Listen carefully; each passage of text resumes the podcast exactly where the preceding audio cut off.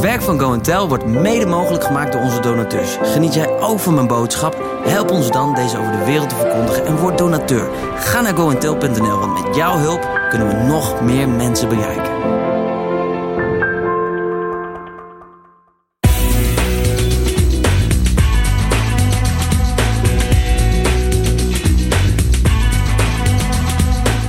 Welkom terug. We zijn er weer helemaal klaar voor. Met deze week een verse, uitdagende podcast. Luister en geniet als David spreekt over Gods hart als redder.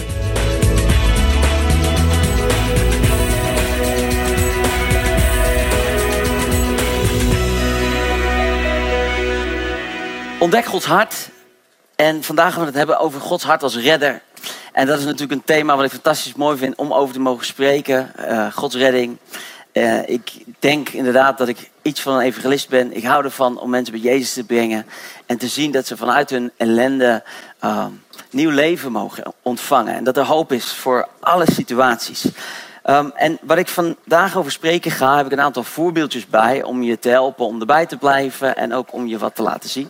En een van de dingen die ik nodig heb is een glaasje water. En ik heb begrepen dat Christian mij daarbij helpen kan. En ik ga jou vertellen waar die staat. Hij staat namelijk daar.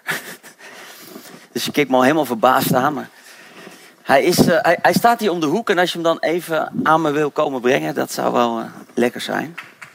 Ja, bemoedig hem even.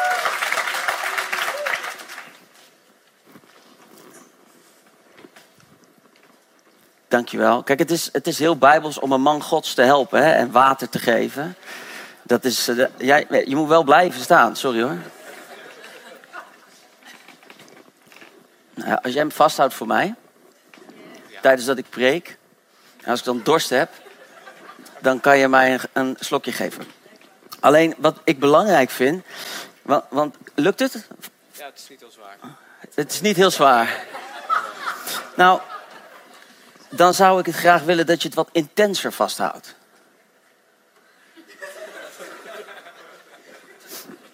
Je stopt het in één hand en dan hou je hem zo. En dan kijken of het niet zwaar is. Ondertussen moet u erbij blijven, hè? Dus je mag geen gekke bekken trekken of, uh, of rare dingen doen. En als jullie voorbeden voor je vriend doet, dat hij het gaat halen tot het einde van de preek, dan komt het helemaal goed. Hou vol, hè? Je mag niet. Even een applausje. Ik vind dat nu echt al heel knap. Gaat goed komen. En hij denkt, wat flik je me nou? maar dat uh, kom je daar straks wel achter. Ik ga gewoon beginnen. Uh, Gods hart als redder. Ik ga je niet redden trouwens. Johannes 3, vers 16. Kent u allemaal uit uw hoofd? Want?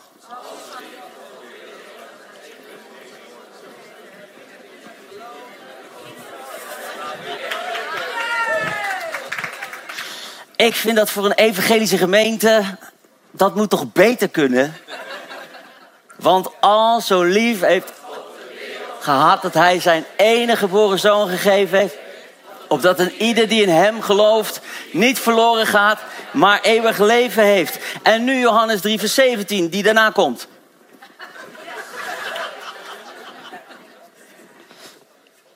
God heeft zijn zoon niet naar de wereld gestuurd om een oordeel over haar te vellen, maar om de wereld door hem te redden. Ah, ik vind hem bijna net zo mooi als 3 vers 16. En geen idee waarom iedereen daar gestopt is met te studeren. Want 17 zegt nog veel meer dat God niet is gekomen om ons te veroordelen, maar om ons te redden. Gaat hij goed? Je zweet een klein beetje. Oké, nou fijn dat het zo goed gaat. Um, dus redding. De wereld had redding nodig. God heeft zijn zoon daarvoor gestuurd. En weet je wat ik een van de moeilijkste dingen vind? Dat hij, met dat hij ons redt, eigenlijk ook van tevoren al wist dat we redding nodig hadden. Hij heeft de hele wereld gemaakt, wetende dat er een moment zou zijn dat hij ons moest redden. Nou, even een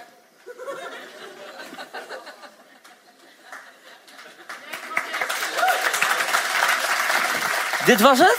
Ja. Nou, voordat je heel onzeker wordt, dit deed ik natuurlijk expres. Ja. Dat snap je wel, hè? Ja.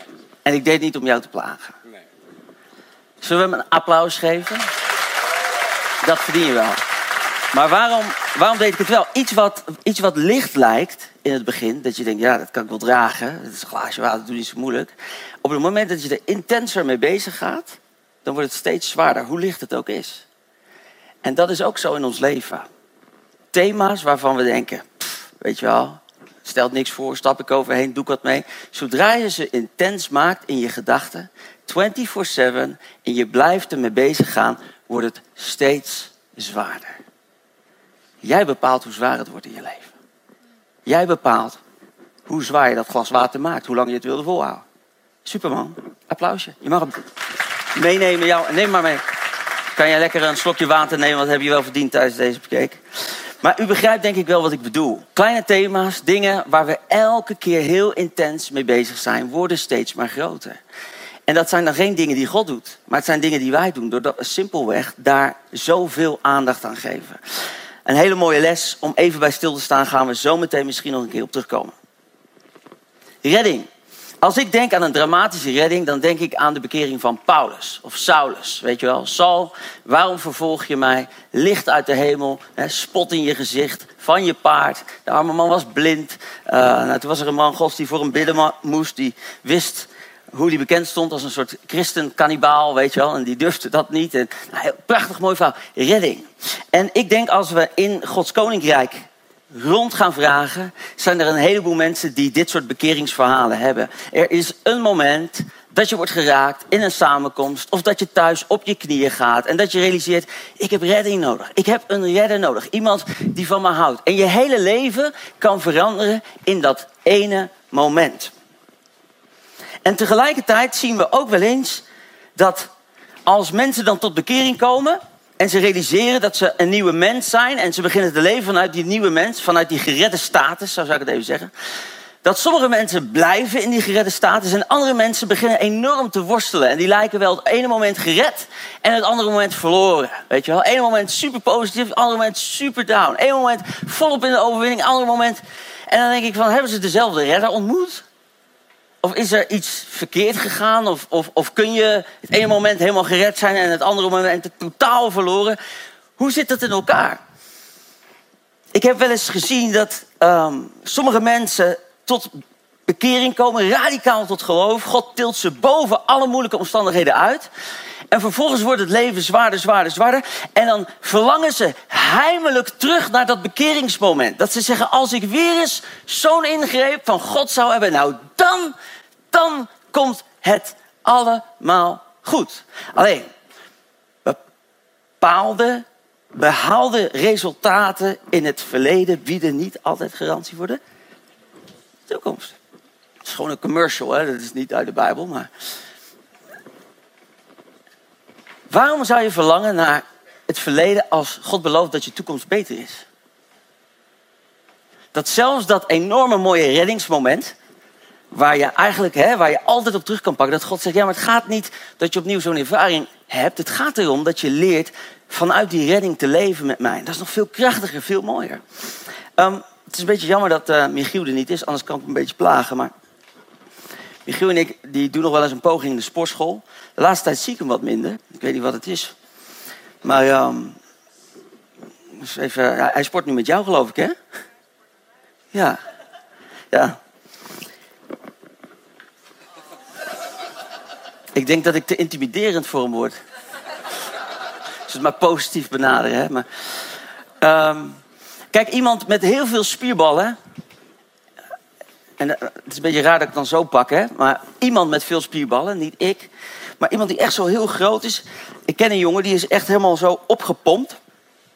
En dat is niet alleen maar van de training. Dan heb je ook gewoon even een injectie in je kont, weet je wel. En dan, dan gaat het wat makkelijker.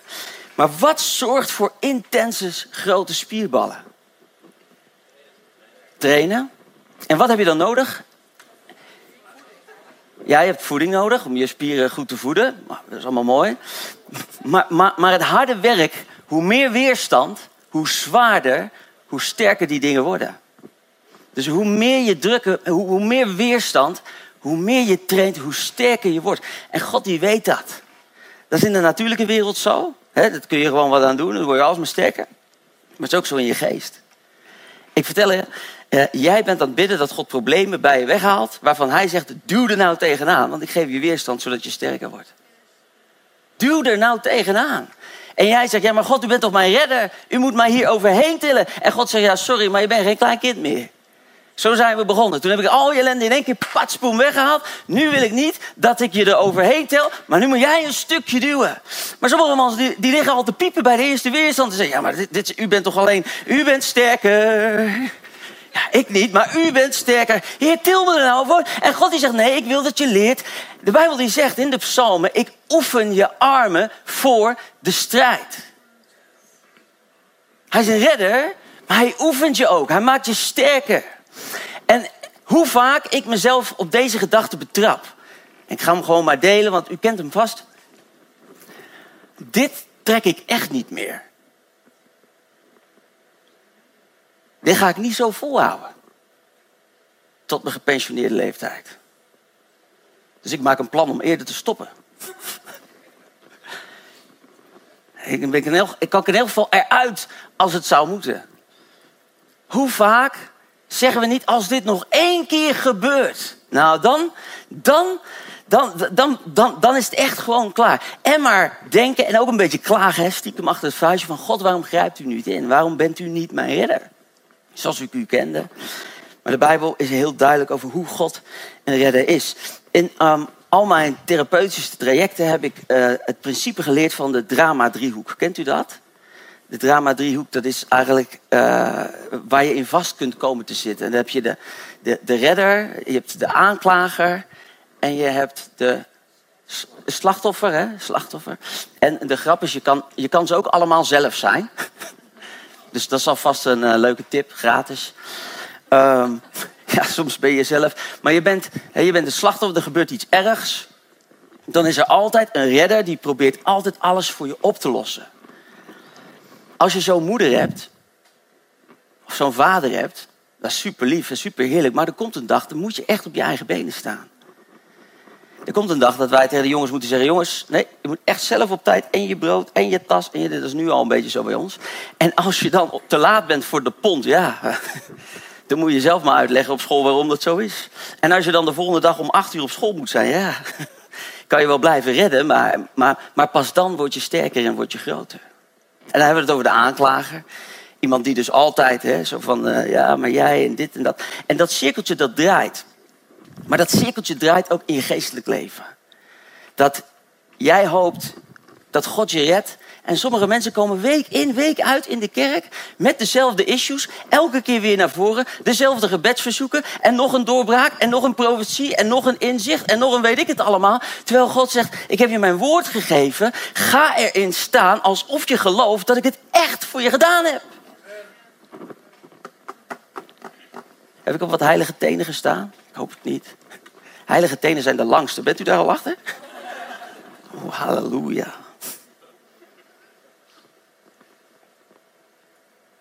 Ik ga je meenemen. Colossense 1, vers 11. En u zult door zijn luisterrijke macht de kracht ontvangen om alles vol te houden en alles te verdragen. Hoeveel? Hoeveel? En nou alsof u het echt gelooft. U zult, de Bijbel zegt, u zult door zijn luisterlijke macht, dus dat betekent door zijn enorme reddingsplan, door zijn enorme reddingsgolf, zult u de kracht ontvangen om alles vol te houden en alles te verdragen. Dit zijn heftige woorden. Zeker in een seizoen als dit. Als je tv aanzet hè, en weer moeilijke mededelingen. Weer dingen die van je af worden genomen. Weer dingen die lastig zijn. En God zegt, ik geef je kracht vanuit mijn luisterlijke macht om alles vol te houden en alles te verdragen. En ik weet niet hoe het met u is. Ik vind het soms lastig, maar ik relativeer het altijd door te denken aan mijn vrienden, de vervolgde christenen in Pakistan of Afghanistan weet ik het, waar mensen zitten. Je zou maar in China wonen, weet je wel. Als je daar een scheet laat, dan heeft de geheime dienst daar een uh, een notitie van gemaakt. Er was iemand, ik, ik ken iemand in Singapore. En die had een, uh, uh, daar is het allemaal nog veel strenger dan in Nederland. En die had ook zo'n QR-code. En, en, die moest met die QR-code moest hij naar de Starbucks voor een bakje koffie. Maar die had hij vergeten, had hij thuis laten liggen. En hij had geen zin om terug naar huis te gaan. Dus zei hij tegen een vriend, mag ik jouw QR-code even lenen? Dan wip ik er even tussendoor, haal ik even een bakje koffie. De beste man werd gepakt en moest drie weken de gevangenis in. Nou, dan vind ik het hier nog wel meevallen. ik geef je kracht vanuit mijn goddelijke luister. Om vol te houden, om alles te verdragen. Colossense 1 vers 13. Hij heeft ons gered uit de macht van de duisternis. Ik vind dit ook zo mooi, hè? De Bijbel zegt een heleboel wel, maar ook een heleboel niet. Is u dat opgevallen?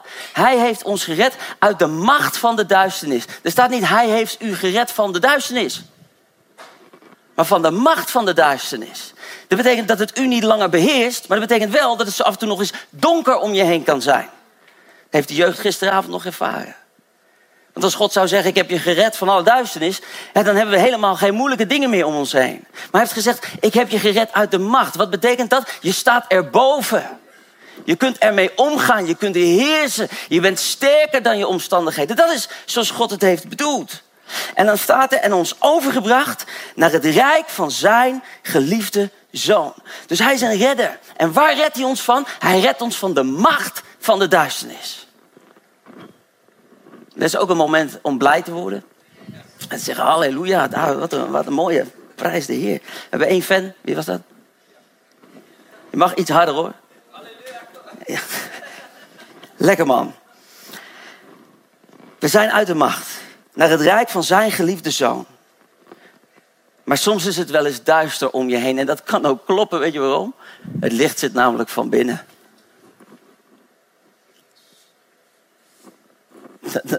Dat, is zoals ik het geleerd heb. Dus dat betekent dat ik vanuit mijn geredde status, het licht van Jezus, jij, ik, u, wij zijn het licht van deze wereld. Hoe duister het om ons heen ook wordt, hoe lastig het ook is. God zegt, ik geef je kracht om alles te volharden, door te brengen. Waarom? Omdat het niet duister om me heen is? Jawel, omdat het licht in jou is. Ik weet niet of u wel eens gehoord heeft van, uh, van Edith Eger. Zo'n holocaust survivor. Een dame die, een Hongaarse dame, danseres die in uh, de strafkampen heeft gezeten. En verschrikkelijke, echt verschrikkelijke dingen heeft meegemaakt. Ik uh, was tv aan het kijken op NPO een paar maanden geleden. En zij kwam voorbij. En, een, een, een oude dame, hoog in de negentig. En die zit daar dan zo te stralen op zo'n bank met zo'n gezicht rijk van rimpels en, en, en liefde en ervaring en weet je wel, zo. En zo'n vrouw waar je even blijft hangen, wat heeft die dan te vertellen? En ik begon haar verhaal te horen. Wat zij heeft doorstaan is onvoorstelbaar. Onvoorstelbaar. En het, en, en raakt mij echt dat sommige mensen vandaag de dag vergelijkingen maken met wat die mensen hebben meegemaakt vanuit jouw belevingswereld misschien helemaal rechtvaardig zoals je het voelt. Maar ik denk als je met haar zou praten, dat je het nooit meer doet. En je kan met haar praten door de boek te lezen. Weet je een beetje waar iemand doorheen is gegaan. Maar het allermooiste wat zij zei, is wat is nou het cadeau van ware vrijheid? Ze zegt, je kan gebonden zitten, je kan in een kamp zitten. Ze zegt, maar de echte vrijheid zit in jou. Ze zei, ik was vrij omdat ik koos om vrij te zijn. En toen dacht ik, als zo'n power lady dat al zeggen kan. In zulke heftige omstandigheden. Het zijn die mensen hè, die de geschiedenis schrijven. Uh, die mensen waar we boeken over lezen. Die vast hebben gezeten, onrechtvaardig zijn behandeld. Denk aan Nelson Mandela die een ongelofelijke prijs hebben betaald. Dat zijn niet mensen die hebben gezegd, als dit nog één keer gebeurt, nou, then I'm out. Dat zijn mensen die keer op keer opnieuw hebben geprobeerd. Keer op keer opnieuw weer hopen. Keer op keer opnieuw weer vertrouwen. En waarom? Omdat we weten, er is een redder, er is een licht in ons. En we durven stap voor stap vooruit te denken. Vooruit te gaan. Iemand vroeg aan mij, tijdens Simply Jesus, David, leer jij al de preken uit je hoofd? Sommigen van u schieten in de lach en je weet, eh, nee, dit gaat alle kanten op. Ik heb wel een lijn. Ik word steeds beter in voorbereiden. Maar die persoon die zei, ik leer al mijn preken uit mijn hoofd. Van begin aan elke zin. Ik zeg, zo, dat is heftig. Maar dan zit je ook behoorlijk in je hoofd als je moet presenteren. Dat is ook zo. Dat kun je ook merken. Hè? Ik zeg, spreek vanuit je hoofd en mensen reageren vanuit hun hoofd. Spreek vanuit je hart en mensen reageren vanuit hun hart. Het enigste wat je brengen kan in een wereld als jij bedient of als jij verschijnt, is je authentieke zelf. Jouw verhaal. Wat je echt gelooft. Want dat is wat mensen voelen. Waar je echt voor staat. Waarvan we zouden kunnen zeggen, dit is geen, geen kul, maar dit is echt doorleefd. Iemand heeft met tranen en met verdriet en met moeite en met tegenwind gedrukt tegen dat gewicht. En hij of zij heeft overwonnen. En daarom raakt het mij zo. Dat is inspirerend, dat is gaaf. En hoeveel momenten, nu op dit moment, om je heen, zijn voor jou nog inspirerend? Waar je denkt, wow, maar die kant, dat is de kant waar ik naartoe zou willen gaan. Um, ik ga nog even verder lezen. Wat ik, wat, ik zo mooi vind is Colossense 2, vers 6 en 7. Met Christus gestorven en opgewekt uit de dood. Volg de weg van Christus Jezus, nu hem als Heer aanvaard hebt. Blijf in hem geworteld en gegrondvest. Houd vast aan het geloof dat u geleerd is. En wees vervuld van dankbaarheid. Dankbaarheid is een methode om gezond te blijven. Gewoon hè, omdat je dankbaar bent voor alles wat je krijgt. Daar word je blij van, vrolijk van. Die de wereld soms nog beter begrijpt dan wij hier in de kerk. Er zijn meditatietechnieken voor dankbaarheid, hele boeken over dankbaarheid. Als je s morgens wakker wordt, moet je negen dingen opschrijven waar je dankbaar voor bent. Maar ik zal je vertellen, als je het doet, het werkt nog ook. Waarom? Omdat de Bijbel er ook over spreekt. Wees vervuld van dankbaarheid. Je kunt elke dag brommen om wat er niet is, maar je kunt ook dankbaar zijn om wat er wel is. Dat is de les van de Heer Jezus. Want toen, toen ze 20.000 mensen wilden eten geven met visjes en brood, zeiden ze, ja, zullen we ze te eten geven? Ja, we hebben niet genoeg. En als weet je hoe laat het is en weet je hoe lastig het is. En zijn enige vraag was altijd, ja, maar wat heb je wel? Ja, we hebben maar twee vissen. Give it to me. That's it. Ik ben ook altijd zo allergisch voor die opmerking. Ja, maar dit kan niet, dat kan niet. Ik zeg altijd, wat kan wel? Want wat wel kan, daar gaan we mee werken. En als God erin blaast, dan zouden we zomaar eens verbaasd kunnen zijn. Dat was hem alweer, deel 1 van Gods hart als redder. Reageren kan altijd op info@goentel.nl. De nieuwste blogs, video's en overdenkingen vind je ook in de Simply Jesus app. Download hem vandaag nog in de App Store of op Google Play. Zo blijf je altijd op de hoogte. Simply Jesus, our message to the world.